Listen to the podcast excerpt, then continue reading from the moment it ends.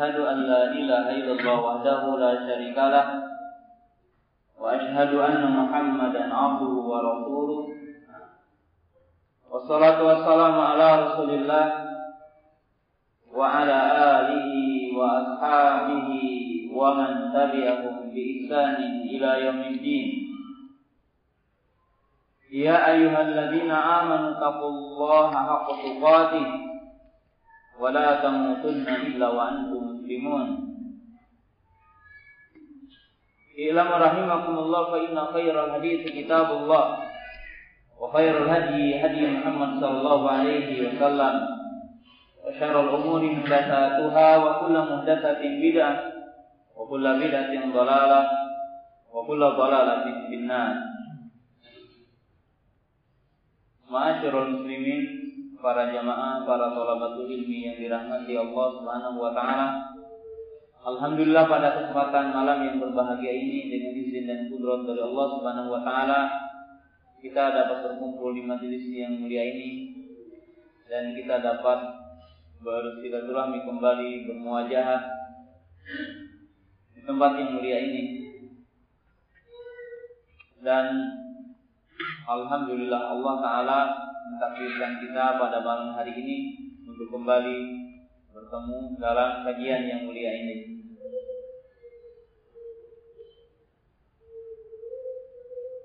Para jamaah yang dirahmati Allah Ta'ala Para talabatul ilmi yang dirahmati Allah Ta'ala Pembahasan kita pada malam yang berbahagia ini adalah Al-Mawqifus Sahih tiga hal fitan. Au sabilun najah fi muwajahatil fitan Pada kesempatan malam yang berbahagia ini kita akan membahas satu pembahasan yang sangat penting sikap bijak di dalam menghadapi fitnah. Para jamaah yang dirahmati Allah Ta'ala Tidak diragukan lagi Bahwa Pada kesempatan hari ini Kita berada dalam satu kondisi dalam satu zaman tersebarnya fitnah tersebarnya keburukan tersebarnya kesesatan tersebarnya kejelekan. Yang mewajibkan seorang mukmin untuk mengetahui dan fakih di dalam menghadapi kenyataan-kenyataan ini. Harus memiliki basirah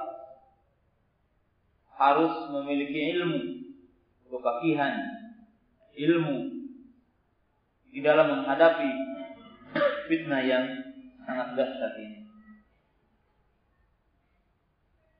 dan kita mengetahui bahwa hidup ini adalah ujian sebagai fitnah dari Allah Taala kepada hambanya. Sebagaimana Allah Taala berfirman, "Walladzi khalaqal mauta wal hayata liyabluwakum ayyukum ahsanu amala." Dialah yang menciptakan hidup dan mati untuk menguji siapa di antara kamu yang paling baik amalnya. Dan Allah Subhanahu wa taala menjelaskan dalam ayat yang lain Allah taala berfirman ahasiban nasu ayutraku ayyaqulu amanna wa hum la yuftanun Walaqad fatanna alladhina min qablihim fala ya'lamanna Allahu alladziina shadaqu wa la ya'lamanna al-kadzibin. Apakah manusia mereka mengira untuk dibiarkan mengatakan kami beriman sedangkan mereka belum diuji, belum difitnah. Sungguh telah kami menguji orang-orang yang sebelum mereka. Maka Allah Ta'ala mengetahui siapa yang benar-benar mereka beriman dan siapa mereka yang dusta. Demikian juga Allah Subhanahu wa taala telah memperingatkan bukan hanya menghabarkan akan diujinya manusia tetapi Allah taala telah mewanti-wanti telah memperingatkan kita agar kita tidak terjerumus dengan ujian dan fitnah ini. Allah taala berfirman dalam surat Al-Anfal ayat 25 wattaqu fitnatan la tusibanna alladziina zalamu minkum khasah Takutlah kamu kepada fitnah yang tidak akan ditimpakan semata-mata kepada orang zalim di antara kamu. Tetapi orang-orang beriman, orang-orang soleh, ahlu tauhid, ahlu sunnah, mereka akan mendapatkan ujian. Mereka akan mendapat menghadapi fitnah. Bahkan wajib kita mengetahui bahwa fitnah yang akan menimpa kepada orang-orang beriman, ahlu taqwa, ahlu tauhid, ahlu sunnah akan lebih besar ketimbang fitnah yang menimpa kepada orang-orang biasa. Al-amsal fal-amsal. A'zamul jaza ini binisbati a'dhamil ibtila. Karena besarnya pahala, besarnya ganjaran tergantung kepada besarnya ujian yang ditimpakan kepada seorang hamba. Demikianlah Allah Subhanahu wa taala memperingatkan kepada kita tentang fitnah ini. Para jamaah yang dirahmati Allah Subhanahu wa taala, fitnah yang akan menimpa kepada manusia di mana dalam kesempatan yang berbahagia ini kita juga tidak akan terlalu terperinci membahas tentang fitnah karena makom yang kita miliki bukan makom yang sangat luas untuk membicarakan tentang sisi-sisi fitnah. Yang jelas kata-kata fitnah di dalam ayat Al-Quran memiliki banyak makna. Di antara makna yang banyak digunakan dalam ayat Al-Quran ataupun hadis adalah di mana al-ikhtibar, di mana al-ibtila, di mana fitnah artinya ujian.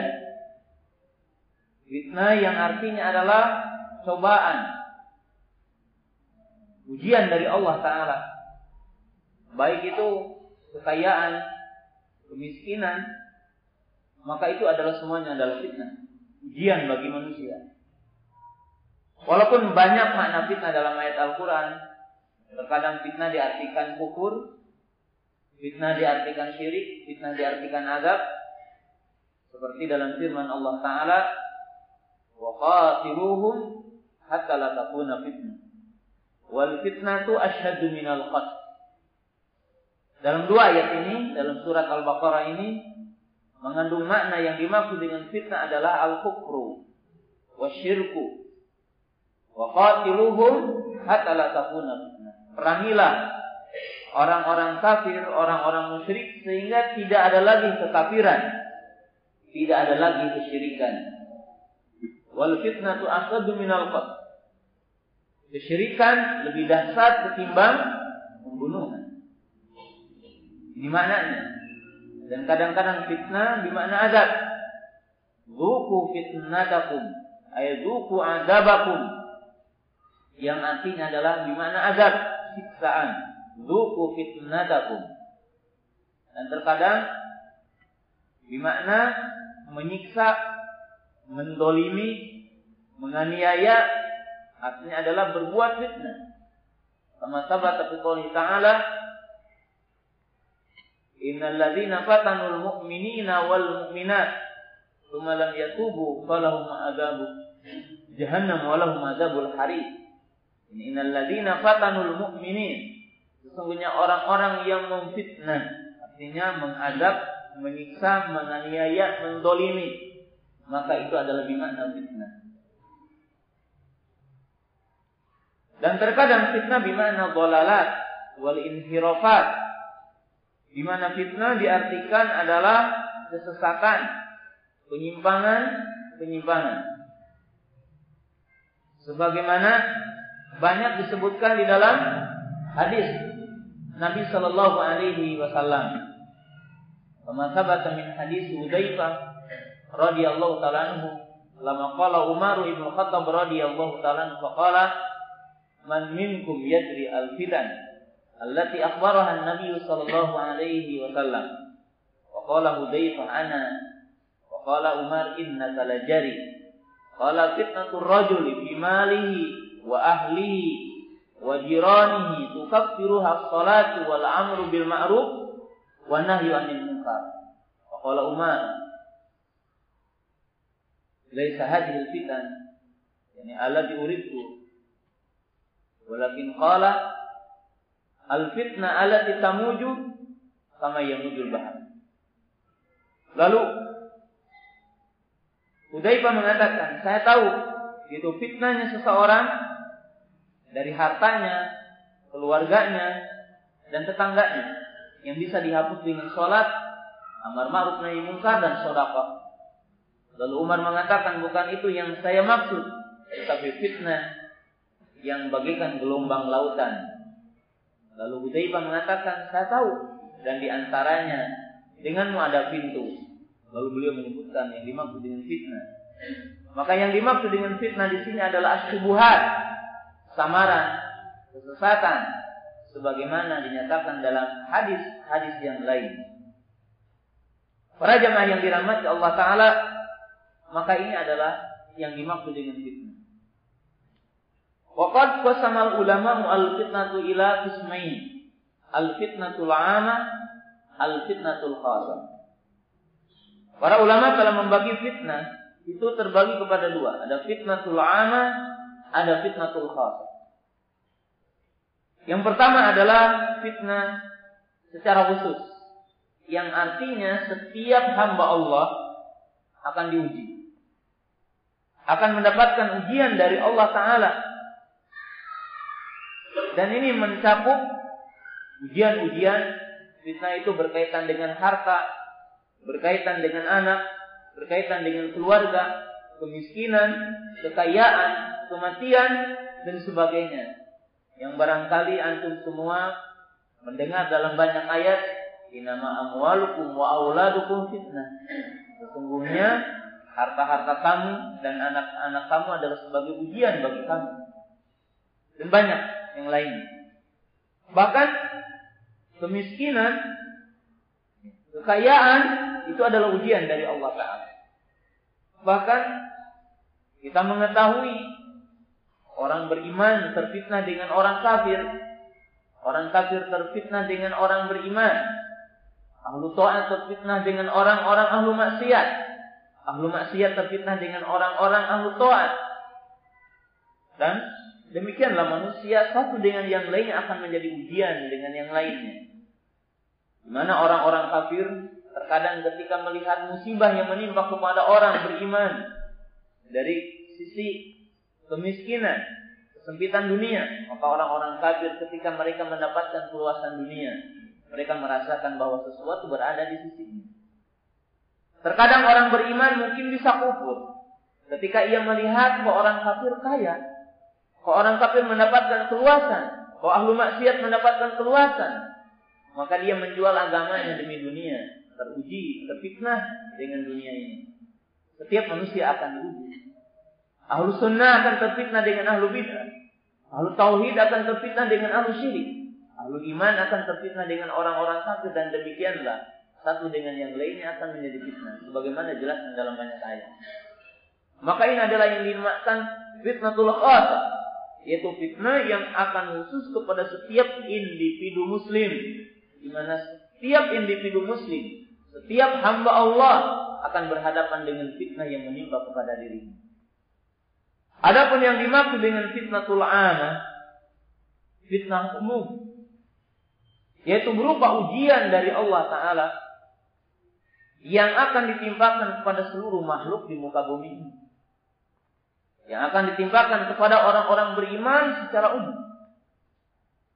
Di mana Nabi Shallallahu Alaihi Wasallam dalam banyak hadis dan satunya Nabi Shallallahu Alaihi Wasallam telah menjelaskan ketika ya, pada satu malam bangun dari tidurnya Lalu Nabi Shallallahu Alaihi Wasallam berkata kepada keluarganya, Aisyah dan yang lainnya, apakah kalian melihat apa yang aku lihat pada malam ini? Maka mereka mengatakan tidak. Maka Nabi Shallallahu Alaihi Wasallam mengatakan fitnah akan menimpa kepada umatku ini, akan menimpa kepada kita semua ini adalah bagikan turunnya hujan dari langit. Para ulama mengatakan ketika Nabi Shallallahu Alaihi Wasallam menggambarkan ya, kepada kita semua bahwa fitnah yang akan menimba kepada kita adalah bagaikan turunnya hujan. Maka para ulama pensarah hadis ini menyebutkan memiliki dua makna. Makna yang pertama, dilalatun ala kasratiha. Makna yang kedua, dilalatun ala umumiha. Di mana hadis ini menunjukkan kepada dua makna. Makna yang pertama menunjukkan begitu banyaknya fitnah di akhir zaman. Bahkan Nabi SAW mengatakan bagaikan gelombang lautan, dahsyat dan akan datang bertubi-tubi. Dan yang kedua memiliki makna dilalatun ala umumiha. Bahwa fitnah ini akan menimpa kepada seluruh makhluk di muka bumi ini akan menimpa kepada seluruh orang beriman tentang fitnah terutama adalah fitnah di akhir zaman. Seperti kita juga akan mengetahui nanti fitnah dajjal. Fitnah turunnya dajjal, maka ini adalah termasuk fitnatul aman. Karena telah dinyatakan dalam hadis tidak ada sejengkal pembumi kecuali akan dilewati oleh apa? Dajjal kecuali Mekah dan Madinah. Para jamaah yang dirahmati Allah Subhanahu wa taala, maka para ulama mengatakan ada fitnatul aman, ada fitnatul khas. Wa kadzalika ulama qasamal fitnata ila qismain min jihatin ukhra. Dan para ulama pun membagi fitnah kepada dua bagian. Ditinjau dari sisi yang lain agar memudahkan pemahaman kepada kita dan bagaimana kita menghadapinya. Al-Imam Ibnu Qayyim rahimahullahu taala dalam kitabnya Ighathatul Labhan Beliau mengatakan bahwa setelah meneliti dalil-dalil Quran dan hadis-hadis Nabi Shallallahu Alaihi Wasallam, maka fitnah yang akan menimpa kepada orang-orang beriman terbagi kepada dua. Yang pertama adalah fitnah syahwat, fitnah yang berkaitan dengan syahwat. Fitnatul mal, fitnatul manzilah, fitnatul dunia, fitnatul mar'ah, wa ila yang pertama adalah fitnah yang berkaitan dengan syahwat. Yaitu harta, dunia secara umum, wanita, harta, kedudukan, kemewahan, dan sebagainya. Maka ini yang dinamakan dengan fitnah syahwat. Sedangkan yang kedua adalah fitnah syubuhat. Adalah fitnah yang berkaitan dengan syubah atau syubuhat yang dimaksud adalah kesesatan-kesesatan, kekufuran, kesyirikan, bid'ah, maksiat. Dan syaitan laknatullah akan menggelincirkan manusia, akan menggoda manusia dari dua sisi. Akan menyeret manusia kepada jurang neraka dari dua sisi ini. Allah Subhanahu wa taala menjelaskan dalam surat yang ketujuh. Qala fa bima aghwaytani la aqudanna lahum siratal mustaqim. Thumma la atiyannahum min baini aydihim wa min khalfihim wa an aymanihim wa an syama'ilihim wa la tajidu aktsarahum syakirin. Lihat bagaimana syaitan laknatullah akan menggelincirkan kita, akan memisah kita dari dua sisi. Yang dimaksud dengan syaitan di sini adalah syaitan dalam bentuk jin dan syaitan dalam bentuk manusia, para pengikut mereka, wali-wali mereka itu orang-orang kafir. Maka Allah telah menyatakan dalam surat yang ke-7 ayat 16 ayat 17. Qala fa bima agwaitani. Syaitan laknatullah berkata, dengan sebab engkau telah mencap aku sebagai hamba yang sesat, hamba yang durhaka, maka benar-benar aku akan duduk, akan menghalangi, akan menggelincirkan orang-orang yang berada di jalan yang lurus. Aku akan datang dari depan, aku akan datang dari belakang, aku akan datang dari kanan, aku akan datang dari kiri.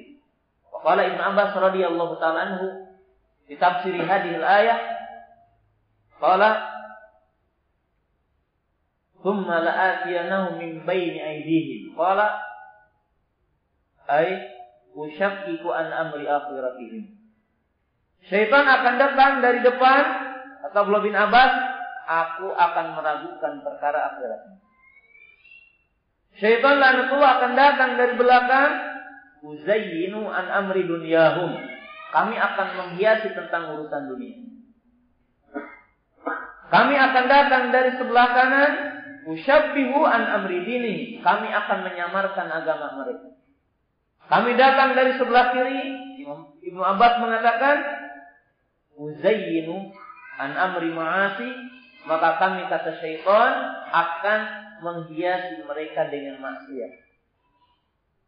Maka ayat yang mulia ini bisa disimpulkan bahwa fitnah yang dilancarkan oleh syaitan adalah dua sisi. Yang pertama adalah fitnah syahwat. Yang intinya fitnah syahwat ini manusia dijerumuskan cinta dunia. Wa karahiyatul maut. Dan inilah penyakit yang akan menimpa kepada umat ini yang menyebabkan umat ini terpuruk, yang menyebabkan umat ini menjadi hina sebagaimana dijelaskan dalam hadis Tauban radhiyallahu taala Yushiku an tadalaikul umamun kama tada ala aqlatu fi qasatiha. Wa qala qail aw min kilatin yawma idinah ya Rasulullah qala bal antum katsirun walakin gusaun ka gusa isail wala yanzi'ana Allah min qulubi aduwikul mahaba wala yakdibana Allah baina qulubikumul wahn. Qalu wa mal wahna ya Rasulullah? Qala hubudunya wa karahiyatul maut Rasulullah SAW menjelaskan dalam hadis Tauban yang ma'ruf yang antum mudah ketahui. Bahwa beliau mengatakan bahwa umat ini satu ketika adalah bagaikan buih. Bagaikan makanan yang empuk yang dikerumuni oleh orang-orang yang lapar. Mereka tidak punya timbangan, mereka tidak punya harga. Mereka tidak punya kekuatan bagaikan air bah yang dibawa oleh bagaikan apa buih yang dibawa oleh air bah. Tidak punya timbangan. Lalu para sahabat bertanya, apakah kami pada waktu itu sedikit jumlahnya? Maka Nabi SAW mengatakan kalian adalah banyak, tetapi kalian bagikan buih. Dan akan diangkat rasa takut dari orang-orang kafir. Dan akan dilimparkan kepada hati kalian penyakit wahan Lalu para sahabat bertanya apa yang dimaksud dengan lahan? Cinta dunia dan takut akan kematian. Para jamaah yang dirahmati Allah Ta'ala ini adalah fitnah yang akan menimpa kepada umat ini. Hubud dunia wa karahiyatul Kemudian akan diberikan tentang kecenderungan kepada syahwat. Pelanggaran-pelanggaran terhadap larangan-larangan Allah Ta'ala. Waqad qala Nabi sallallahu alaihi wasallam kama sabata di hadis Abdullah bin Umar di mana akan ditimpakan kepada umat ini lima musibah tatkala umat ini juga melakukan lima pelanggaran.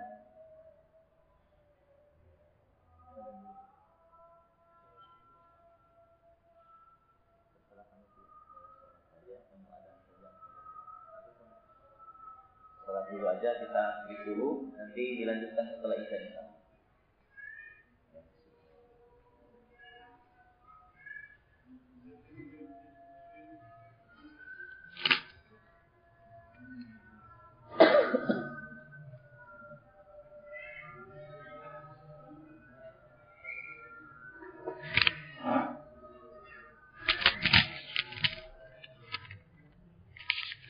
Thank you.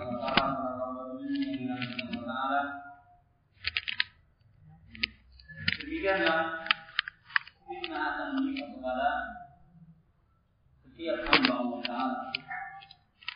Terlebih kepada orang-orang yang beriman. Syaitan laknatullah Ta'ala akan menggelincirkan manusia dari dua sisi yang tadi disebutkan itu. Yaitu kecondongan seorang hamba kepada dunia. Dan memang dunia adalah merupakan fitnah yang sangat besar. Waqad qala Nabi sallallahu alaihi wasallam kama sabata di hadis Ka'ab Ibnu Iyad qala inna likulli ummah fitnah Wa fitnatu ummati alma. Di mana Rasulullah Shallallahu Alaihi Wasallam telah menjelaskan setiap umat akan ditimpakan fitnah dan fitnah bagi umat ini adalah harta. Qala Nabi sallallahu alaihi wasallam ad-dunya hulwatun hadiratun. Wa taqud dunya wa taqun nisa. Fa awala fitanin ala bani Israel kanat bin nisa. Fi riwayatin adaru fitanin ala rijal kanat bin nisa. Dunia adalah manis dan hijau artinya enak dipandang enak dirasa dan enak dipandang maka bertakwalah kami bertakwalah kamu dan berhati-hatilah kamu dalam menghadapi dunia ini Bertakwalah dalam menghadapi wanita. Karena fitnah yang pertama menimpa kepada wanita kepada Bani Israel adalah wanita. Dalam satu riwayat Nabi Shallallahu Alaihi Wasallam menjelaskan bahwa fitnah yang paling besar menimpa kepada laki-laki adalah wanita. Para jamaah yang dirahmati Allah Subhanahu Wa Taala. Demikian juga fitnah syahwat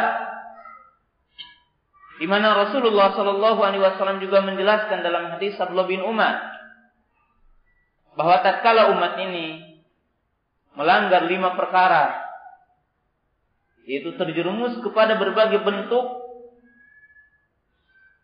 maksiat maka Allah Taala akan menimpakan kepada kita lima bencana. Wakala Abdullah bin Umar Akbala alaina Rasulullah sallallahu alaihi wasallam yakni ba'da salat. Faqala yal muhajirun khamsu hisalin fa inni a'udzu billahi bihinna an tudrikuhunna. Kata Abdullah bin Umar satu ketika Nabi Shallallahu Alaihi Wasallam menghadap kepada kami, lalu berkata, setelah sholat, wahai kaum muhajir, Lima perkara yang aku berlindung kepada Allah agar tidak menimpa kepada kalian. Waqala lam tadharil fahishatu fi qaumin qattun hatta yu'linu idza fasa fihim at-ta'un wal auja'un allati lam takun madat fi qaumil ladzi madau tidaklah al-fahisha perzinahan. Ada pada satu kaum dan tersebar pada satu kaum sehingga mereka seolah-olah menghalalkannya. Kecuali Allah Ta'ala akan menimpakan kepada mereka penyakit taun atau penyakit yang tidak pernah ditimpakan kepada kaum yang sebelum mereka seperti penyakit air. Disebabkan manusia telah melakukan perzinahan. Baik telah terbuka wasilah-wasilahnya. Terbuka perantara-perantaranya. Pergaulan bebas. Campur baurnya laki-laki dengan perempuan. Dan berbagai lini kehidupan. Kemudian perzinahan yang nyata. Berada di setiap tempat maka Allah telah menimpakan penyakit kepada umat ini. Kemudian Nabi sallallahu alaihi wasallam walam yanfusu al-mikyala wal mizana ila ukhidu bisinin wa siddatil maunati wa jura sultani. Tidaklah satu kaum mereka mengurangi timbangan, mengurangi takaran, berbuat curang, berbuat dusta, berbuat goror dalam perjual belian mereka. Kecuali Allah Ta'ala akan menimpakan kemarau yang panjang, kemiskinan, kesulitan hidup, dan dikuasakan pemimpin-pemimpin yang zalim. Semakala Nabi Sallallahu Alaihi Wasallam, "Walam yamna'u zakata amwalihim ila muni'ul qatar, laulal bahaimu lam yumtaru." Tidaklah satu kaum menahan harta-harta mereka untuk dizakati. Kecuali Allah telah menahan turunnya hujan. Seandainya tidak ada binatang-binatang yang melaga, maka tidak akan diturunkan hujan. Cuma qala Nabi sallallahu alaihi wasallam fil amri rabi. Walam yanqudu ahdallahi wa rasuli ila ja'ala Allahu lahum aduan min ghairihim wa akhadhu ma fi aidihim. Dan tidaklah satu kaum melanggar perjanjian dengan Allah dan Rasulnya. Maksiat kepada Allah, maksiat kepada Rasulnya. Melampaui batasan-batasan Allah dan Rasulnya kecuali Allah Ta'ala menguasakan kepada mereka musuh-musuh yang bukan dari mereka.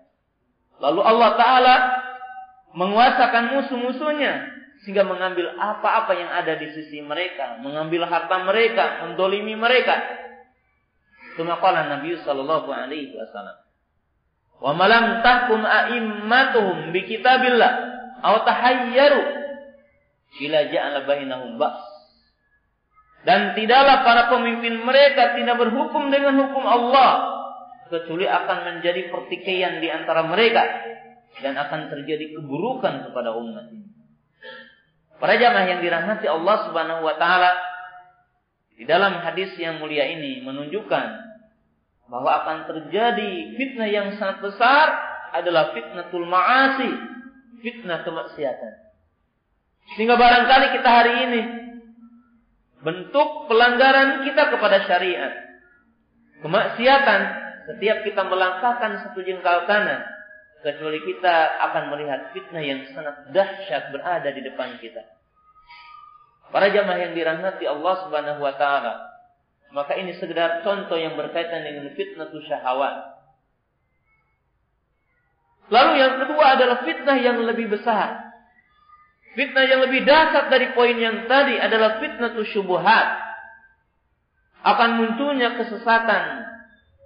Akan munculnya kedoliman. Artinya kesesatan-kesesatan, penyimpangan-penyimpangan, kekufuran-kekufuran. Qad qala Nabi sallallahu alaihi wasallam kam fi hadisil ma'ruf Iftaraqatil yahudu ala sintaini wa sab'ina firqatan Wa tafaraqatin nasara ala sintaini wa sab'ina firqatan. Wa satafariqu ummati ila salasin wa sab'ina firqatan kulluha nari ila wahidah. Qalu wa mahi al-wahidah ya Rasulullah qala ma ali al-yawma wa ashabi. Nabi SAW menjelaskan dalam hadis yang kita ketahui bersama bahwa umatku akan berpecah belah menjadi 73 golongan. Semuanya terancam dengan api neraka kecuali satu, itu orang-orang yang mengikuti perjalanan Rasul Sallallahu Alaihi Wasallam dan para sahabat. Hadis ini menunjukkan bahwa akan muncul penyimpangan-penyimpangan. Orang-orang yang menisbatkan diri kepada Islam, tetapi mereka jauh dari hakikat Islam, membawa kesesatan. Waqad sabata aidan fi hadis Hudzaifah radhiyallahu taala anhu. Hudzaifah qala bi ba'di yakni atil hadis Hudzaifah telah berkata dalam potongan sebagian hadis qala wa hal min ba'di asyari min khairin qala na'am walakin fihi daqanu qala wa ma daqanu ya Rasulullah qaumun yastannuna bi sunnati wa yahduna bi ghairi hadi. Tuma qala Hudzaifah ibn Yaman radhiyallahu taala anhu fa hal min ba'dil khairi fihi daqan min syarrin? Qala na'am. Du'atun ala abwabi jahannam. Man ajabuhu qadafuhu fiha. Qala sibhum lana ya rasulullah qala hum min jildatina wa yatakallamu bi alsinatina qala hudzaifah famada ta'muruni in adraktu dalik Qala talzam jama'atal muslimina wa imamahum al-hadis. Utaibah berkata, apakah setelah kejelekan akan muncul kebaikan? Kata Nabi SAW, iya tetapi ada kabutnya. Timbul kesamaran. Sehingga banyak orang awam sama mengetahui kebenaran. Lalu Hudaibah berkata, apa kabutnya tersebut? Munculnya orang-orang yang mengambil suri tauladan, bukan dariku. Dan mengambil petunjuk bukan dariku. Yang dimaksud dalam munculnya ahlu. Lalu Hudaibah bertanya lagi, apakah setelah masa kebaikan yang ada kabutnya, yang ada kesamarannya, akan muncul kejelekan lagi? Maka Nabi SAW mengatakan, iya, munculnya para penyeru, munculnya para dai yang mereka akan menyeru kita kepada jurang api neraka. Siapa yang mengikuti ajakannya, maka dia akan diseret kepada jurang api neraka. Lalu Hudaibah bertanya, apa sifat mereka? Sebutkan ciri-ciri mereka. Mereka berkulit seperti kita dan mereka berbahasa dengan bahasa kita. Dalam arti satu ketika mereka terkadang mengatasnamakan Islam, mengatasnamakan perjuangan Islam, mengatasnamakan giroh kepada Islam, tetapi sesungguhnya mereka tidak sedikit pun ada di dalam Islam. Lalu Hudaifah bertanya, apa yang kau perintahkan jika aku mendapatkan masa yang seperti ini? Maka Nabi SAW mengatakan, komitmenlah kepada jamaah kaum muslimin dan imam. Ini kabar yang dikatakan oleh Nabi Shallallahu Alaihi Wasallam. Dan dalam hadis yang terakhir yang kita sebutkan sebagai contoh fitnah syubuhat, Nabi Shallallahu Alaihi Wasallam telah memberikan gambaran kepada para sahabat tentang kehidupan di masa yang akan datang. Khattalana Rasulullah Shallallahu Alaihi Wasallam khattan aridan.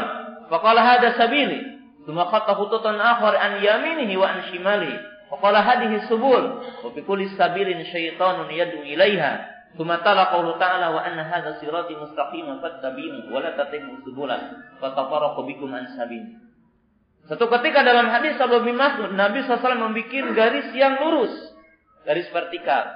Lalu dia mengatakan inilah jalanku, ikutilah. Lalu beliau membuat jalan ataupun garis yang banyak di sebelah kanan dan di sebelah kirinya. Lalu beliau mengatakan inilah jalan kesesatan. Setiap jalan kesesatan itu ada syaitan yang menyeru kepada. Munculnya ahlu bid'ah. Munculnya para penyeru kepada bid'ah. Yang mereka akan menggelincirkan manusia dari jalan yang lurus. Fahadhihi fitnah syubuhat. Maka ini adalah fitnah syubhat yang akan dihadapkan kepada setiap hamba Allah. Khususnya adalah kepada orang-orang beriman. Dan syaitan laknatullah akan berusaha mendatangi kita, menggelincirkan kita dari dua sisi ini. Sehingga syaitan punya cita-cita. Tidak. Ataupun menjadi sedikit orang-orang yang bersyukur kepada Allah Ta'ala. Yang beriman kepada Allah Ta'ala. Para jamaah yang dirahmati Allah Subhanahu Wa Ta'ala. Sekedar kita mengingatkan. Ana fitnah syubuhat. A'bamu min fitnati syahawat. Bahwa wajib kita mengetahui bahwa fitnah syubuhat itu lebih dahsyat dan lebih berbahaya ketimbang fitnah syahwat. Dan syaitan akan menggelincirkan kita dari dua sisi ini. Para jemaah yang dirahmati Allah Subhanahu wa taala. Kemudian untuk mengingatkan kita bahwa fitnah itu semakin berlalu waktu, semakin berjalan zaman, maka akan lebih besar ketimbang fitnah sebelumnya. Fitnah hari ini lebih besar kepada fitnah hari kemarin. Fitnah hari besok akan lebih besar ketimbang fitnah hari ini. Sehingga Abdullah bin Mas'ud mengatakan, tidaklah datang tahun kecuali akan lebih jelek, lebih buruk ketimbang sebelumnya. Para jamaah yang dirahmati Allah Subhanahu wa taala, setelah kita memahami secara sepintas tentang fitnah yang akan menimpa kepada kita. Keburukan yang akan menimpa kepada kita. Ujian yang menimpa kepada kita.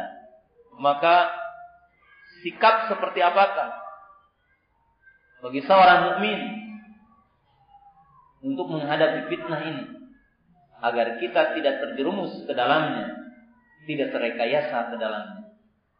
Maka ada sikap-sikap ada langkah-langkah yang wajib ditempuh oleh seorang mukmin, oleh seorang sunni di dalam menghadapi fitnah yang sangat dahsyat ini.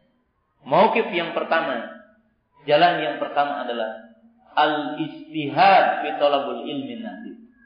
Wa haq wal istihad fi talabil. Adapun jalan yang pertama dan merupakan jalan yang paling utama bersungguh-sungguh dalam mencari ilmu. Sebab fitnah ini tidak bisa kita hadapi kecuali dengan ilmu. Kecuali dengan basirah. Ila bil fikhi. Dengan kepakihan kita terhadap agama ini. Maka lihatlah. Salah satunya adalah firman Allah Ta'ala yang terdapat dalam surat Al-Qasas. Surat ke-28 ayat 80. Itu tentang kisah orang berilmu dengan orang yang tidak berilmu ketika muncul fitnah. Dalam surat yang ke-28 itu surat Al-Qasas ayat 79 ayat 80-nya. Wa kharaja ala qaumin fi zinatihi. Itu siapa? Firaun, Qarun dan Haman. Qala ladzi yuriduna al-hayata dunya ya laita lana mithla ma utiya Qaruna innahu ladu hazzin Maka ketika Qarun laknatullah Orang kaya di zaman Fir'aun laknatullah. Keluar dengan kemewahannya. Maka orang-orang yang tidak berilmu berkata, seolah-olah mengatakan ungkapan seperti ini. Seandainya aku mendapatkan seperti apa yang didapatkan oleh Korun. Dari kemewahan dari dunia. Tapi apa yang dikatakan oleh orang-orang beriman? Oleh orang-orang yang diberi ilmu. Wa qala alladziina utul ilma wailakum thawabullahi khairun liman amana wa amila. Maka orang-orang yang diberi ilmu, yang diberikan basirah, yang diberikan kefakihan, maka berkata, Selasa kalian. Sesungguhnya sawab Allah, ganjaran Allah apa yang ada di sisi Allah dari pahala lebih baik bagi orang-orang yang beriman dan orang-orang yang telah beramal soleh.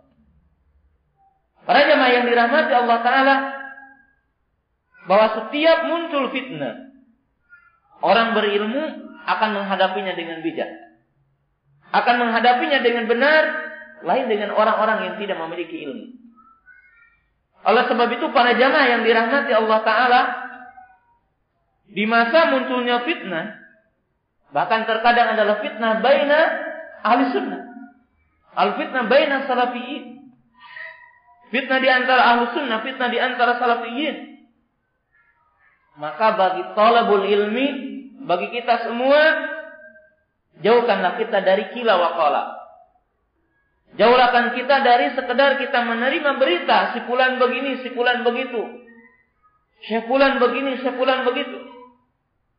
Al-ihtimam bitafaqu fid din. Al-ihtimam bi talabul ilmi aula min yani al-qabul khabar bikila wa Bahwa bagi talabul ilmi lebih baik hari ini untuk tafaqu fid din. Membenarkan bagaimana wudhu kita. Membenarkan bagaimana sholat kita Membenarkan bagaimana cara zakat kita, cara bermuamalah kita. Sebab para talabatul ilmi yang dirahmati Allah Ta'ala, ahlu sunnah, salafiyun, laisa mujaradu alihi atawi. Taksir, masalah di mana? Di Sebab arti sunni ataupun arti salafi tidak semata-mata jenggotnya panjang. Tidak semata celana kencingan. Bukan. Ini badul alama. Ini sebagian cirinya saja. Tetapi ahlu sunnah adalah arafun nas bil haq. Man yatamassak bil haq bidalilihi. Tetapi ahlu sunnah adalah orang yang tahu kepada kebenaran dan memegang kebenaran dengan dalil. Laisa bikila wa bukan dengan kila wa. Maka seorang ahlu sunnah, seorang sunni, lihat sejarah Baki Ibnu Mahlad Al-Andulusi rahimahullahu taala. Bagaimana dengan ilmunya? Bagaimana dengan ihtimam dengan ilmunya? Semangat dengan ilmu. Saya kisahkan tentang Baki Ibnu Mahlad Al-Andalusi. Rahimahullahu taala seorang perawi dari Imam Ahmad dan dia mengambil musnad dari Imam Ahmad rahimahullahu taala. Dia seorang yang fakir berada di negeri Andalus. Lalu dia ingin mengambil hadis dari Imam Ahmad rahimahullahu taala dan Imam Ahmad berada di Irak, berada di Irak, berada di Baghdad pada waktu itu. Lalu dia tidak memiliki perbekalan untuk menyewa seekor unta ataupun menyewa seekor kuda. Maka dia berjalan dengan jalan kaki ke negeri Baghdad. Dengan menempuh perjalanan dulu ke Maroko. Melewati lautan dari Maroko ke Irak. Berjalan dengan kaki. Sampai ketika dia sampai ke Baghdad, maka dia meminta kepada orang untuk ditunjukkan ke sebuah masjid. Yang Imam Ahmad rahimahullah taala suka menyampaikan hadis Nabi Shallallahu alaihi wasallam. Tetapi ketika sampai ke Baghdad, ternyata Imam Ahmad itu telah dipenjara karena fitnah tentang khalqil Quran. Dan dilarang manusia untuk mengambil hadis darinya. Maka satu ketika dia berpura-pura sebagai pengemis ke rumah Imam Ahmad. Lalu dia mengetuk Imam Ahmad. Lalu Imam Ahmad membuka pintunya. Lalu berkata, aku melihat engkau adalah orang asing, bukan orang Irak. Maka dia mengatakan, iya. Aku mengira kamu adalah dari negeri Afrika. Dari Maroko. Dia mengatakan, bad adu minha. Bahkan aku lebih jauh dari kota ini. Lalu dia mengatakan, saya jalan dari kota Andalus. Maka Imam Ahmad takjub dengan baki Imam Dan dia mengatakan, aku mencintai untuk mengajarkan hadis kepadamu. Untuk menyampaikan hadis kepadamu.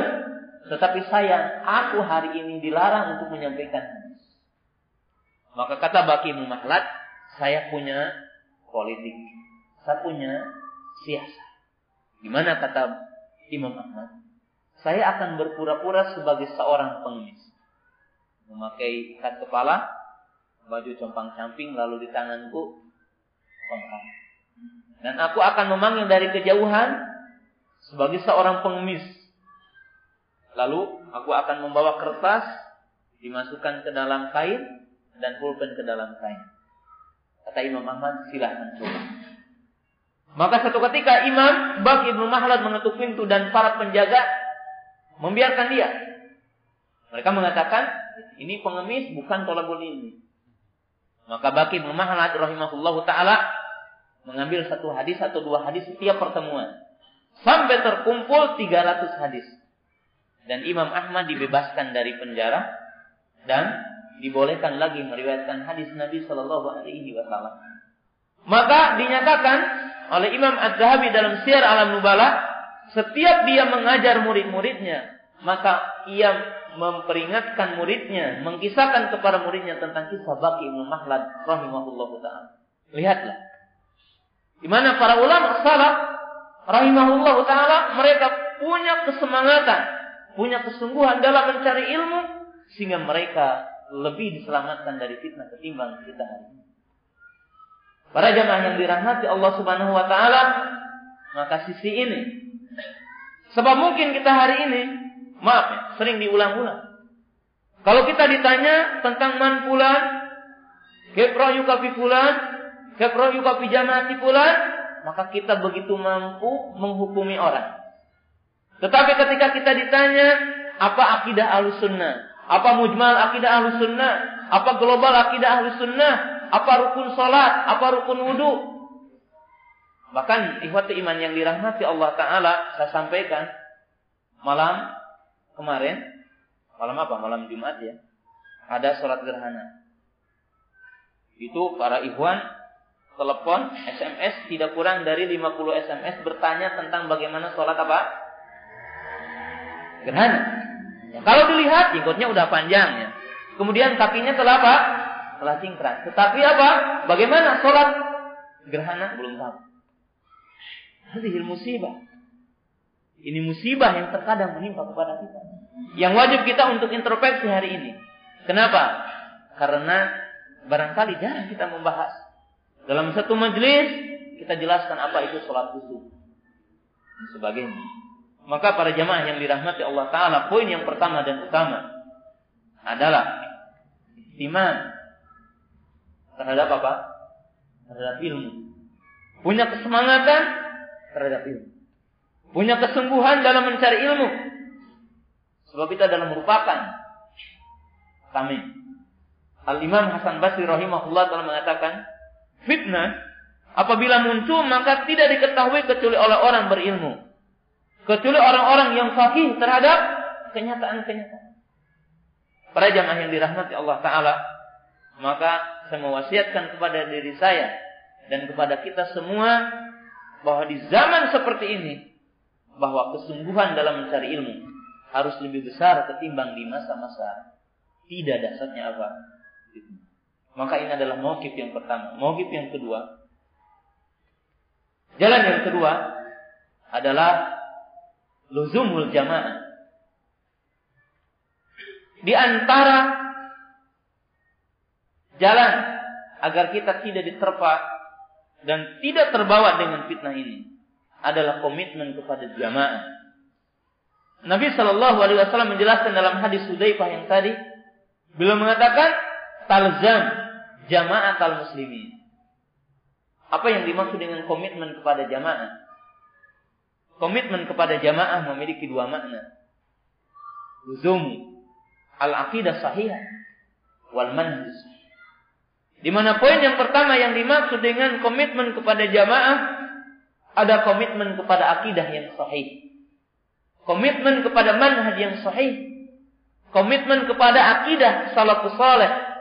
Akidah para sahabat, akidah para tabi'in, akidah salafus saleh dan komitmen kepada manhaj salafus saleh. Sebab para jamaah yang dirahmati Allah taala Al-Imam Ibnu Katsir telah memberikan satu gambaran yang sangat indah. Dan Imam Ibnu Rajab rahimahullahu taala Imam Ibnu Abil Bar telah memberikan gambaran wa mahtalafan nas atau makna fal haqqu makan alaihi salam. Di mana ada ungkapan yang dikatakan oleh salafus saleh setiap apa yang diistilahkan oleh manusia, maka yang hak yang dikatakan oleh salafus saleh. Artinya dalam kaidah ini, apabila kita melihat iftirah, apabila kita melihat ikhtilaf, melihat perselisihan, melihat perbedaan, maka yang hak setiap yang dikatakan oleh salafus saleh. Yang hak setiap yang dikatakan oleh para sahabat, para tabi'in, para tabi'ut tabi'in dan ulama sebelum kita.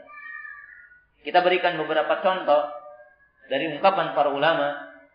Al-Imam Ibnu Katsir rahimahullahu taala mengungkapkan tentang penafsiran Ar-Rahmanu 'alal arsyistawa.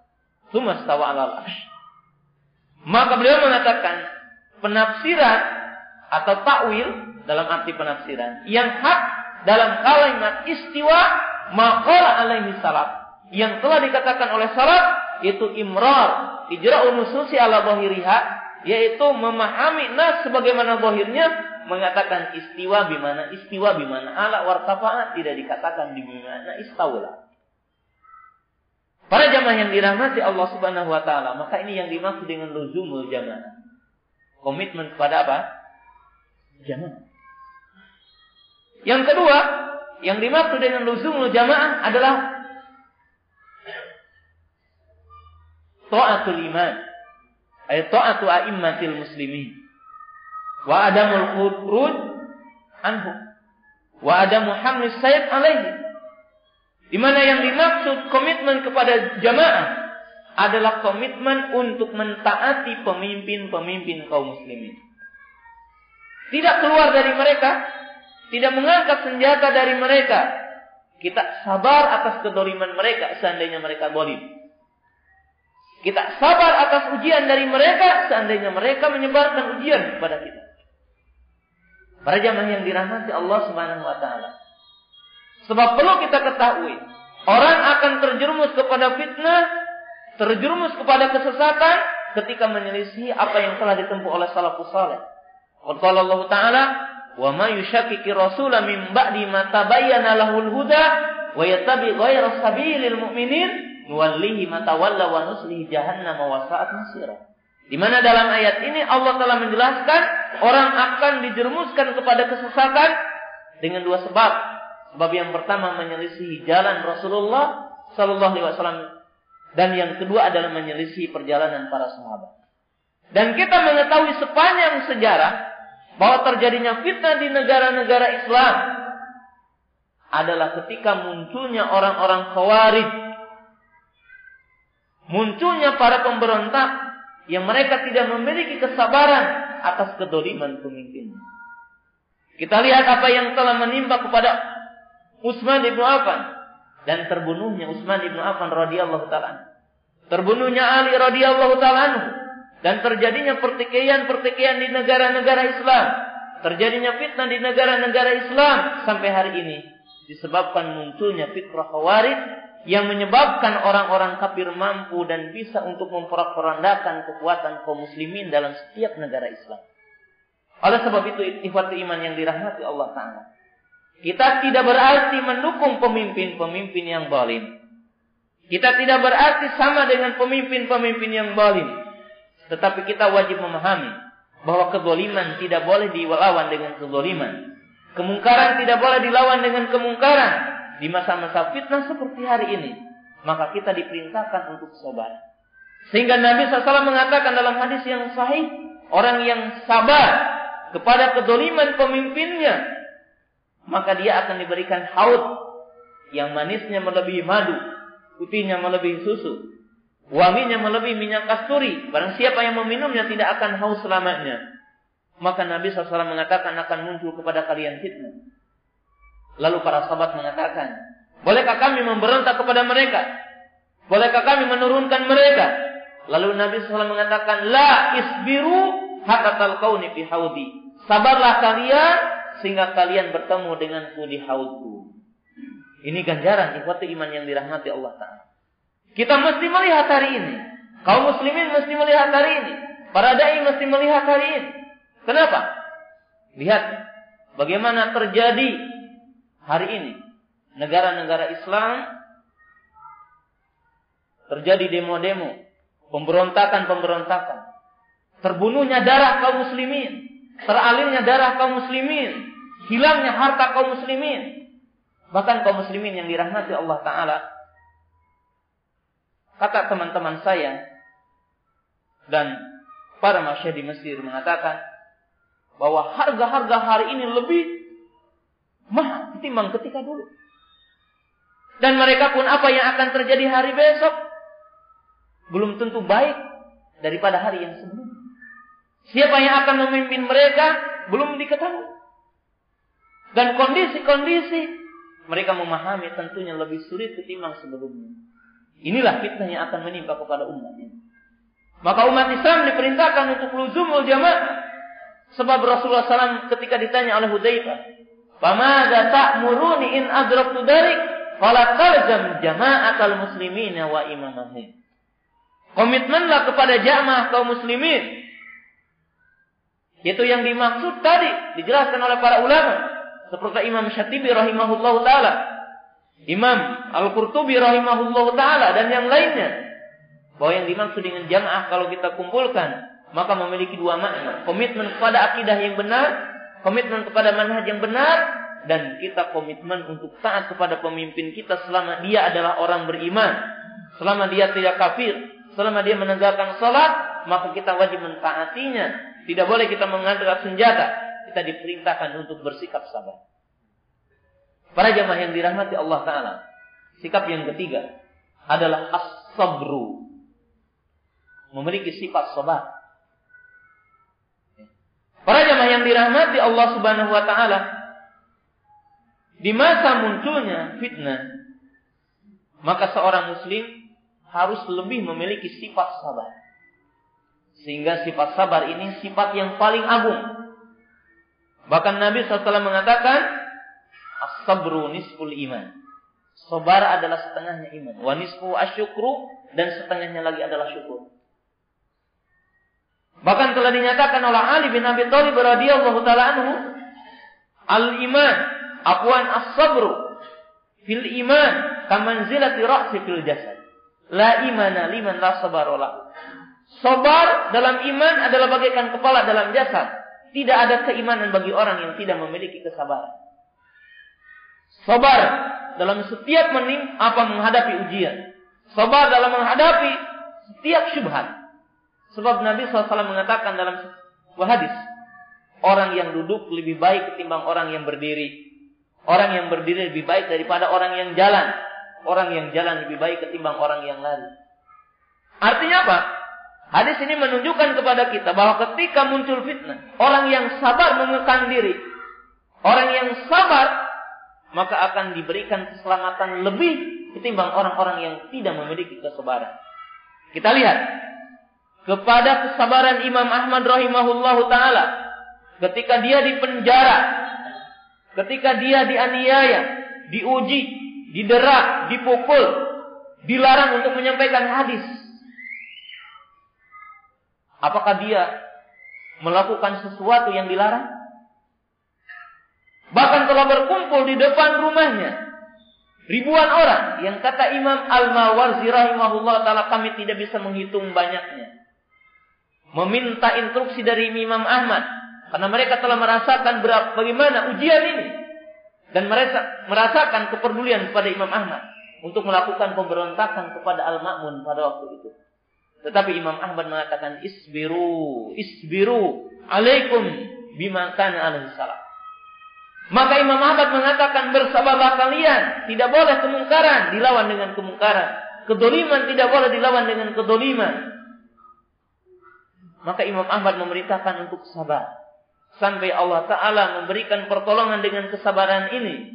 Bahwasanya raja pada waktu itu, pemimpin pada waktu itu sampai mengatakan akhirnya Al-Quran kalamullah. rumah. Lihatlah kesabaran ketika muncul fitnah. Sikap yang keempat, dan saya cukupkan lima saja dalam kesempatan malam yang berbahagia ini. Langkah yang keempat, yang wajib dimiliki oleh seorang beriman sunnah adalah at-ta'anni wal hilm warifku fi muwajahatil fitnah. Bahwa ketika munculnya fitnah, maka kita harus bersikap ta'anni. Bersikap penuh penelitian. Dan betul-betul mempelajari kondisi dengan sesungguhnya. Tidak boleh kita melakukan satu sikap atau tindakan sebelum kita mempelajari kejadian-kejadian yang ada. Sebelum kita mempelajari fitnah yang menimpa kepada kita. Sebab buat iman yang dirahmati Allah Ta'ala al-istijal bersikap terburu-buru akan menyebabkan seseorang itu menyesal. Apabila kita mendapatkan berita, apabila kita melihat kenyataan, maka pelajarilah pelajari dari dua sisi. Sisi yang pertama, kita harus pelajari kenyataan-kenyataan ini. Berita-berita itu betul-betul kita pelajari keabsahannya. Kemudian kondisi-kondisi yang ada ini kita pelajari. Dari mana timbul fitnah ini? Dari sisi mana? Dan yang kedua kita pelajari ayat-ayat Quran, hadis-hadis Nabi Sallallahu Alaihi Wasallam untuk menyikapi kenyataan-kenyataan ini. Sebab manakala salah kita dalam menyikapinya, salah dalam kita artinya tapakuhnya, penelitiannya, maka akan terjadi kekeliruan dalam sikap. Mungkin kita benar dalam memahami ayat dan hadis, tetapi salah dalam merealisasikan dalam kondisi. Mungkin saja kita memahami kondisi yang benar, tetapi menselaraskan ayat dengan kondisi tidak cocok. Maka seyogianya hanyalah orang-orang yang berilmu, hanyalah orang-orang yang alim, yang mereka akan memberikan tauji pengarahan kepada kita untuk menghadapi kondisi-kondisi yang ada. Oleh sebab itu tidak setiap kenyataan harus kita sikapi. Oleh sebab itu tidak setiap kenyataan harus kita menjawabnya dalam setiap saat. Melawannya dalam setiap saat. Seorang mukmin harus memiliki penelitian yang seksama cermat dan seterusnya. Akil betul-betul harus berakal. Disikapi dengan kelembutan, disikapi dengan hikmah, sebab Nabi Shallallahu Alaihi Wasallam menyatakan dalam hadis yang sahih, maka nariku bisain ila zaman tidak ada kelembutan kecuali akan menjadi indah sesuatu tersebut. Dan poin yang terakhir, poin yang kelima, dan ini adalah poin yang sangat penting yang wajib kita memahaminya. Ikhwati iman yang dirahmati Allah Subhanahu wa taala bahwa para ulama memberikan tauji, memberikan pengarahan kepada kita. Ada hal yang sangat penting ketika muncul fitnah. Yaitu pertama, seseorang harus melakukan satu perkara yang paling memberi manfaat kepada dirinya. Sebab Nabi Shallallahu Alaihi Wasallam mengatakan, min husni Islamil mar'i tarkuhu malayani. Artinya ihwati iman yang dirahmati Allah Taala, kita tidak boleh di masa-masa fitnah ini berpikir bagaimana orang lain. Tetapi kita harus mendahulukan diri kita. Apa yang paling memberikan manfaat bagi agama kita? Apa yang paling memberikan manfaat kepada keselamatan kita? Oleh sebab itu, Syekh Mukbir rahimahullahu taala ketika beliau mendekati akhir hayatnya, beliau di antaranya memberikan enam nasihat kepada murid-muridnya dan kepada kaum muslimin secara umum ketika melihat celah-celah adanya fitnah. Maka beliau menyebutkan dua nasihat yang sangat agung. Yaitu kembali kepada nasihat yang pertama di mana beliau mengatakan al istighol bi talabul ilmi wal istighol bima yahtajuhun nas. Bahwa ketika munculnya fitnah, pertama kita harus sibuk untuk mencari ilmu. Dan yang kedua adalah harus sibuk apa yang dibutuhkan oleh manusia secara umum. Memahami tauhid, memahami sunnah, memahami ilmu. Maka kita tidak boleh mendahulukan sesuatu yang lain sebelum kita perhatiannya Para jamaah yang dirahmati Allah Subhanahu Yang kedua, seorang mukmin harus memahami tentang jati dirinya tentang kemampuan dirinya, tentang kedudukan dirinya. Kalau kita bukan ulama, kalau kita bukan orang alim, kita tidak boleh untuk bersikap, untuk mengambil bagian yang bukan bagian kita. Ambillah bagian buat kita. Apa yang kita mampu, apa yang kita punya manjila di sana kita melakukan. Sebab para jamaah yang dirahmati Allah Subhanahu wa taala, saya berikan contoh yang mudah. Kalau antum tolabul ilmi, ilmu yang mana yang harus buka antum di internet?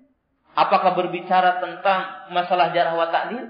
Ataupun antum berbicara tentang masalah bagaimana hukum wudhu yang benar, sholat yang benar. Nah, kalau kita bukan bagiannya, kita bukan bagian untuk masuk ke sana. Kita tidak boleh membuka yang seperti itu. Dengarkanlah kaset para ulama tentang bagaimana kita wudhu yang benar. Bagaimana sholat yang benar Bagaimana arti sunnah, bagaimana arti jamaah, apa itu ahlu sunnah, kita buka seperti itu. Kita tidak boleh masuk kepada yang bukan arealnya. Kita tidak boleh masuk kepada yang bukan lapangan kita. Sebab di masa-masa fitnah, tatkala kita tidak tahu tentang jati diri kita, maka kita akan terseret dengan fitnah. Para jamaah yang dirahmati Allah Ta'ala. Dan poin yang terakhir, yang sangat penting dalam poin yang kelima ini, bahwa seorang mukmin harus menghindari pintu-pintu fitnah. Seorang mukmin ketika muncul fitnah, maka semampu mungkin dia tidak boleh menceburkan diri, tidak boleh mendekatkan diri. Harus mampu menjauhkan diri dari setiap pintu-pintu fitnah. Oleh sebab itu Nabi SAW menyatakan dalam hadis yang tadi, Al-qaidu khairu minal qaim, wal qaimu khairun minal mashi. Di mana Nabi SAW mengatakan orang yang duduk ketika muncul fitnah lebih baik ketimbang orang yang berdiri. Melihatnya dan segera kepadanya. Dan orang yang berdiri lebih baik ketimbang orang yang berjalan menuju kepadanya. Dan orang yang menujunya dengan berjalan kaki, berjalan pelan, lebih baik ketimbang orang yang lari. Gambarannya apa? Hadis ini menggambarkan ketika munculnya fitnah. Orang yang menyelamatkan diri, orang yang menjauhkan diri, orang yang berusaha menghalangi dirinya daripada pintu fitnah ini maka dia akan lebih selamat ketimbang orang yang dia segera menuju kepada fitnah.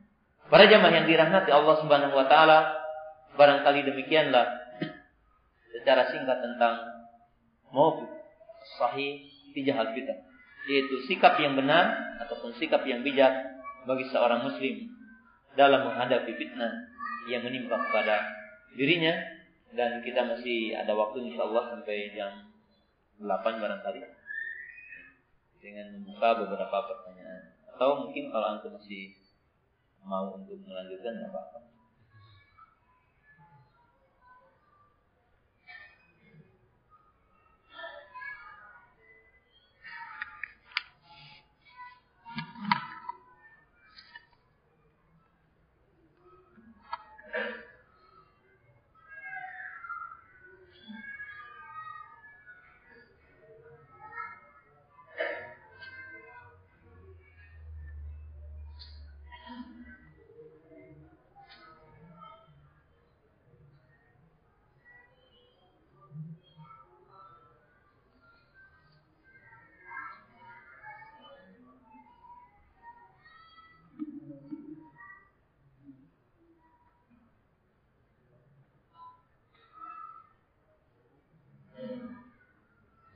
ini ada Insya Allah ini bermanfaat ya.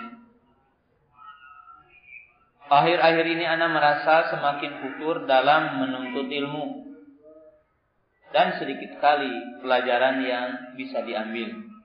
Mohon nasihatnya dan doanya agar kembali dan semangat mudah untuk istiqomah dalam menuntut ilmu. Para jamaah yang dirahmati Allah Taala,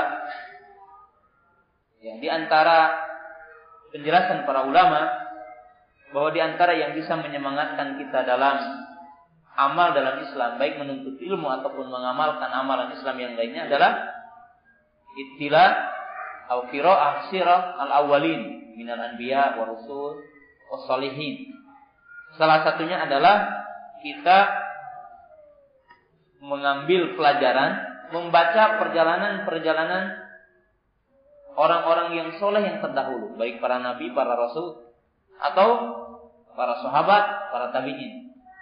Ya, kita berikan contoh.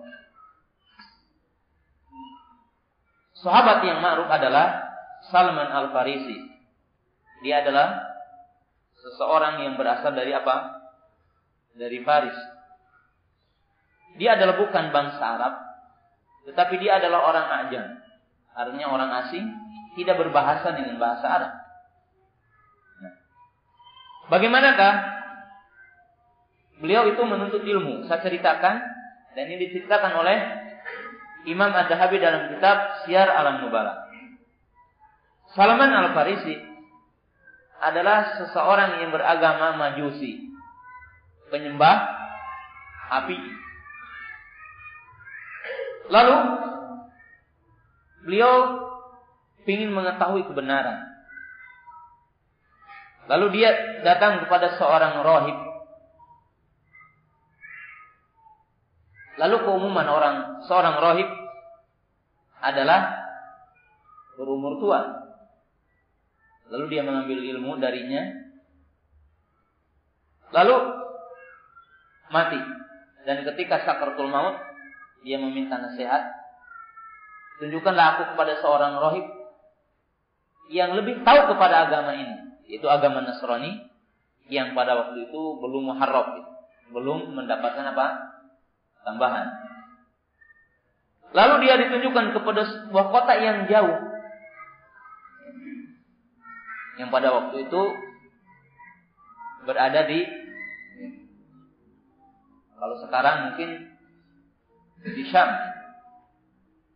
Lalu dia berjalan ke negeri Syam Lalu dia mengambil ilmu. Dan tidak lama, maka si rohib itu pun mati. Dan dia meminta nasihat. Lalu di ujung kisah itu, dia ditunjukkan ya, kepada seorang rohib yang pada waktu itu berada di negeri Arab. Yang pada waktu itu negeri yaitu apa? Uh, Arab. Yaitu Madinah pada waktu itu. Lalu dia belajar. Dan mendekati hari kematian. Sebab rohim pada umumnya umurnya tua. Lalu dia meminta nasihat, tunjukkanlah aku kepada seseorang yang lebih tahu tentang agama ini. Lalu seorang roh itu mengatakan, tidak ada lagi. Tapi nanti akan muncul seseorang, ya, nabi dari satu daerah yang banyak pohon kurmanya. Ini negeri Arab pada waktu itu. Sekarang. Dan dia memiliki tiga ciri. Yang pertama, tidak menerima sodako. Yang kedua, menerima hadiah. Dan yang ketiga, di punggungnya ada cap kenabian. Maka Salman Al-Farisi radhiyallahu taala mendengar seorang rasul di Mekah yang disebut oleh orang-orang adalah Muhammad. Lalu dia mendatangi Rasulullah SAW ketika berada di tengah-tengah para sahabat.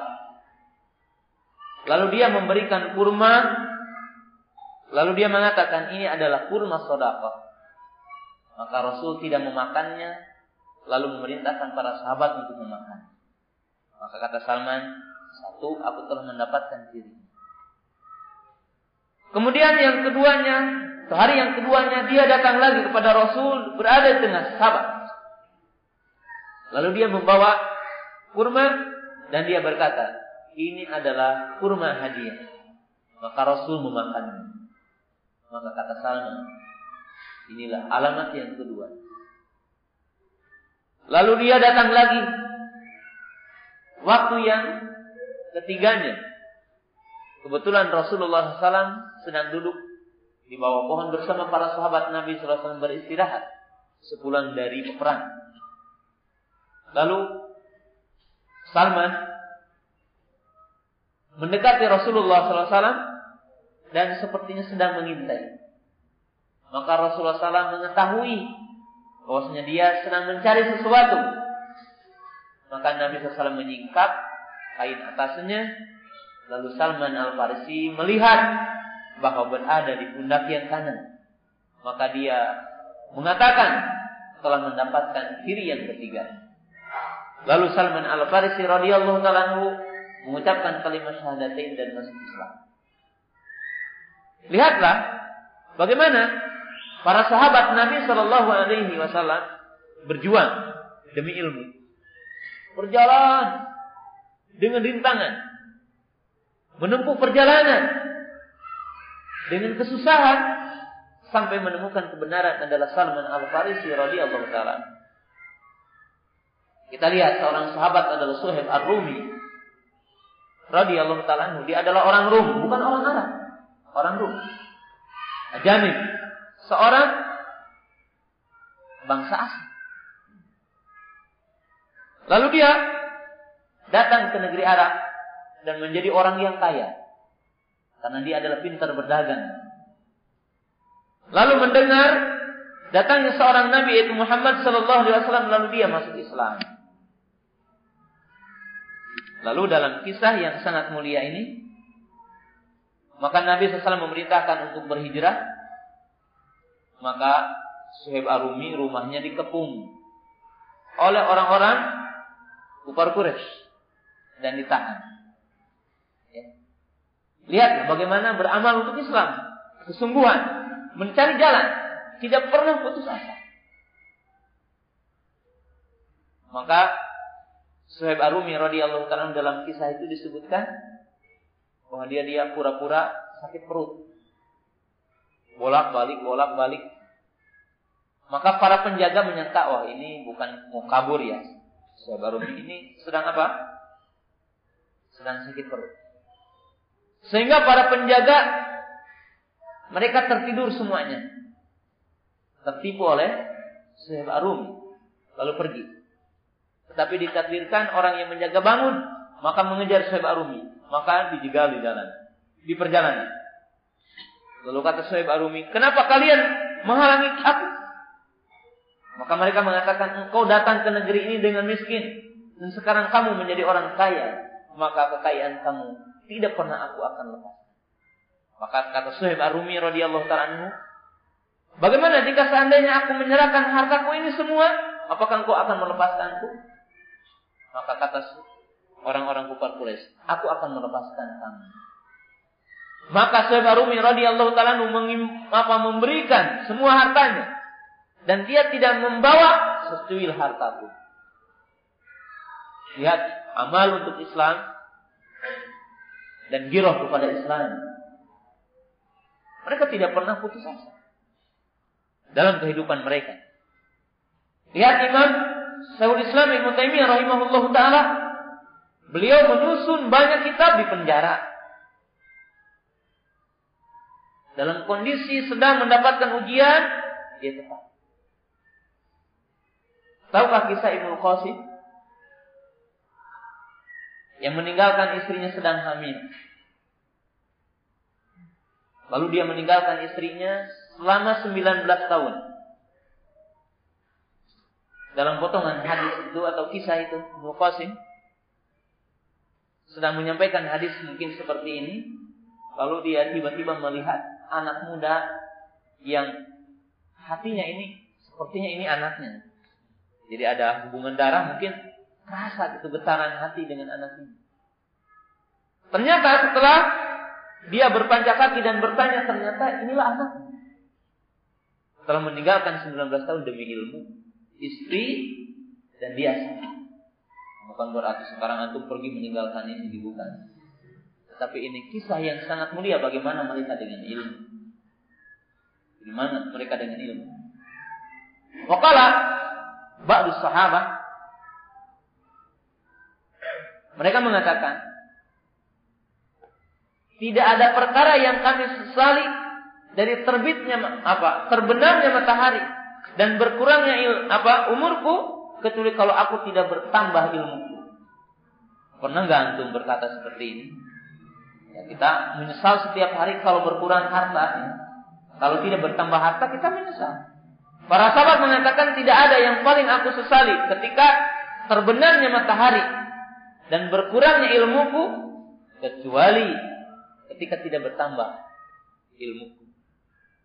Berkata ashab Imam Malik mereka mengatakan majlis Malik khairu minad wa ma fiha wa hadara fi majlisi sab'una alfan minal muslimin ya Majelis Imam Malik menyampaikan kitab Al-Muwatta maka murid-murid Imam Malik mengatakan majelis Imam Malik lebih baik ketimbang dunia dan seisinya.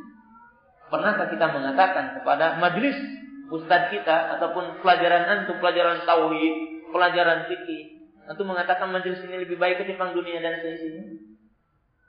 Telah hadir dalam majelis Imam Malik 70 ribu kaum muslimin di zaman. Kecintaan mereka kepada ilmu. Maka wajib kita itibar kepada perjalanan para sahabat, para tabi'in, para tabi'ut tabi'in dan para ulama.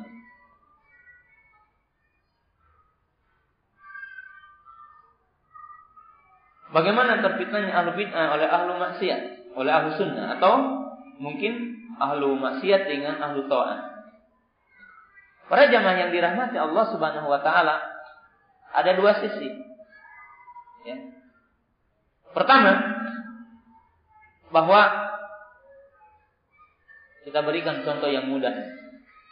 Antum pernah melihat orang yang melakukan rentenir? Mungkin antum membaca ayat yang hakullahu riba wa yurbi sedekah. Allah Taala akan melipat gandakan sedekah dan akan menghancurkan harta apa? Riba. Mungkin antum melihat, kok ada orang-orang yang melakukan riba hartanya masya Allah melimpah luas maka terkadang kita tertipu. Ah, belum ada bukti, maka antum melakukan riba. Tertipu. Ada seorang pencuri dibebaskan dari penjara, antum melaksanakan sunnah di penjara. Mungkin, mungkin. Tertipu. Ah, lebih baik dari al maksiat saja daripada al Tuhan. Ini contoh yang konkret ya bahwa ini fitnah. Maka imam Ibnu Qayyim karena membahas poin ini tentang kaya dan miskin, maka beliau membahas tentang syukur dan sobat. Sebab seorang muslim ketika ditimpa kesempitan diperintahkan sobat. Ketika dia mendapatkan nikmat, maka dia diperintahkan apa? Syukur. Mana yang lebih baik? Yang fakir sobar atau yang kaya bersyukur. Imam Ibn Taimiyah mengatakan atqahuma.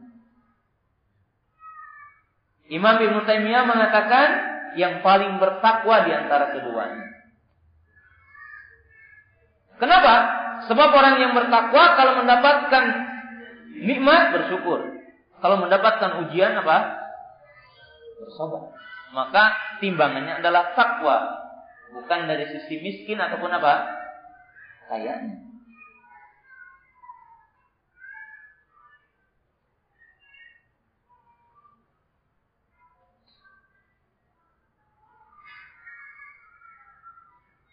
Apakah pertama e, perkara yang kelima itu hadis Abdullah bin Umar bila pemimpin tidak berhukum dengan hukum Allah? Iya, karena akan terjadi kerusakan.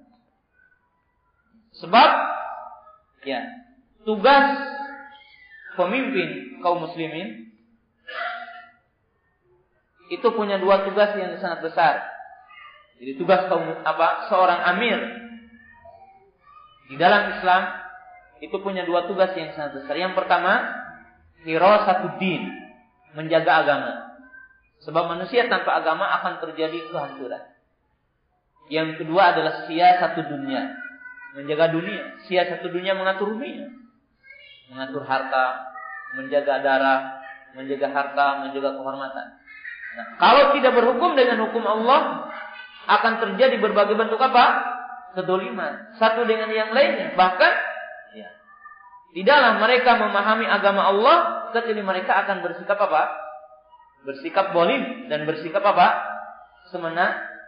Mena. Maka pemimpin yang memahami agama Allah, pemimpin yang mengamalkan agama Allah, mereka lah yang akan menyebarkan keadilan. Mereka lah yang akan menyebarkan apa? Ketentraman.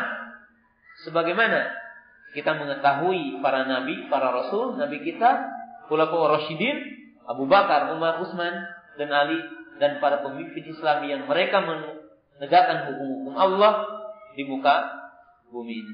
Para jamaah yang dirahmati Allah Subhanahu wa taala, ya walaupun mungkin ada banyak pertanyaan, tetapi Tadi panitia telah menyuruh untuk berhenti.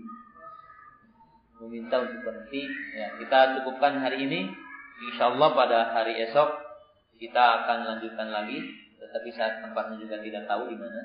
Ya, belum tahu Insya Allah kita pertemuan masih ada beberapa pertemuan lagi Insya Allah eh, hari besok dan hari Ahad. Adapun hari malam ini cukupkan sampai di sini. Mudah-mudahan bermanfaat buat kita semua. Wa akhiru da'wana alhamdulillahirabbil alamin. Assalamualaikum warahmatullahi wabarakatuh.